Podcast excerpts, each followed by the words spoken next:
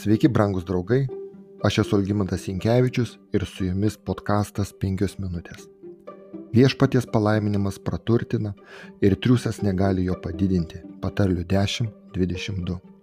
Apmastydamas Dievo palaiminimą dažnai noriu jį perkelti tik į materialinę sferą, tai yra tam tikrų laipsnių užsidirbti pinigų, radau gatvėje 50, o gal 100 eurų, viešpas palaimino, Parduotuvėje už mažą kainą nusipirkau daiktą, vėl viešpats palaimino. Tačiau neturėtume apsiriboti tik materialinę sferą, kai mąstome apie palaiminimus ateinančius iš Dievo. Palaiminimas yra kažkas, ką net sunku iš karto paaiškinti. Žinoma, jei tik negalvojame apie finansinę palaiminimo pusę. Kaip kitaip galima išreikšti Dievo palaiminimą? Hebrajų kalbos žodis Biblijoje išverstas į mūsų kalbą kaip palaiminimas yra labai senas ir neįprastas žodis. 13 amžiaus ispanų rabin, rabinas Šlomo ben Aderet, taip pat žinomas kaip Ražba, pateikė įdomią šio žodžio beraha kilmės versiją. Šis žodis turi tą pačią šaknį kaip ir breicha - baseinas, užpildomas iš šaltinio, kuriame vandenys nuolat laikosi. Iš veiksmažodis barach verčiamas kaip išplėstas. Yra ir dar vienas žodis berek.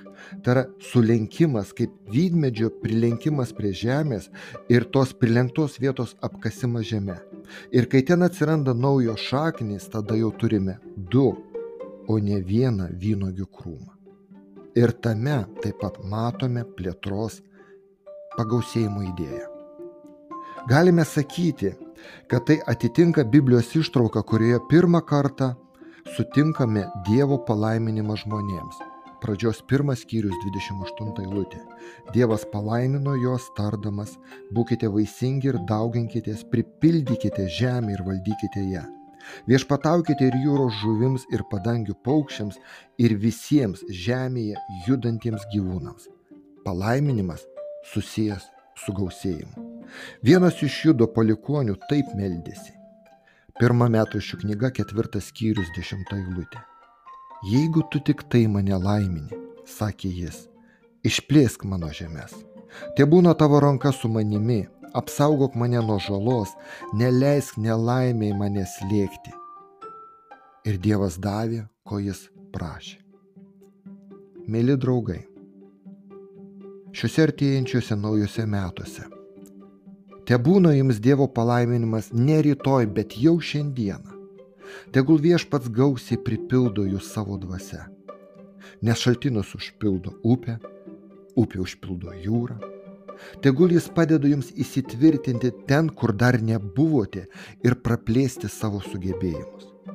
Tegul mūsų brangusis Dievas apsaugo jūs nuo išorinių ir vidinių grėsmių.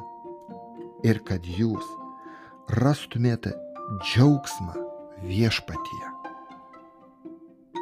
Nes iš tikrųjų, brangieji draugai, viešpaties palaiminas, palaiminimas praturtina ir liūdėsio neatneša. Dievo artumo naujose metuose, Dievo palaimų. Su jumis buvo penkios minutės ir Algymantas Jankievičius. Programa paruošta bendradarbiaujant su Aleksandru Glamazdinu.